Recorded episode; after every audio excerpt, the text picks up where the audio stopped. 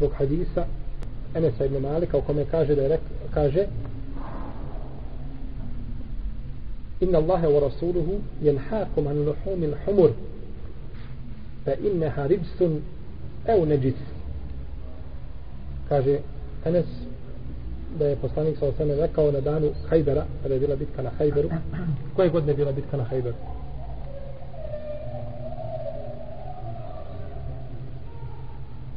Poznato je da je bila šeste ili sedme iđeske godine. Šeste ili sedme iđeske godine na danu godine kada je Ebu Hureyre radijallahu anhu primio islam. Sada razilaženje među islamskim učenjacima kada je bila bitka na Hajberu. Kaže Allahu poslanik sa osanem i Allah Želešanu vam brane da jedete meso magarca. To je nečist.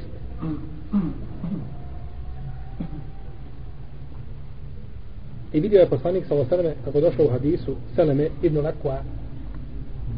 Vidio je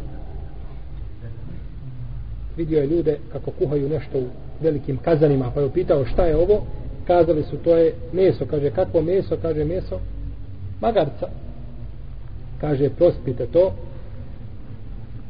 Prospite to. I nije im da to jedu.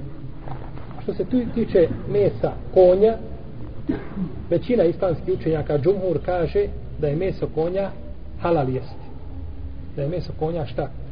Halal jesti i nema u tome kerahijeta nema znači nema pokuđenosti. A što se tiče hadisa koji brani da se jede meso konja on je daji on je daji po konsensusu hadijskih stručnjaka. Hadis koji brani. Neki učenjaci su kazali konje je pokuđeno jesti zato što se jašu u ratu. Zato što trebaju za rat. Iz tog razloga. Možda kažemo ako bi to mišljenje moglo proći onda moglo proći u ratnim uslovima i slično tome jel? ali općenito sigurno ne treba braniti ono što je uzvišeni Allah te barak je otara dozvolio ili što nije zabranio uzvišeni niti njegov poslanik sallallahu alaihi wa alaihi wa sallam.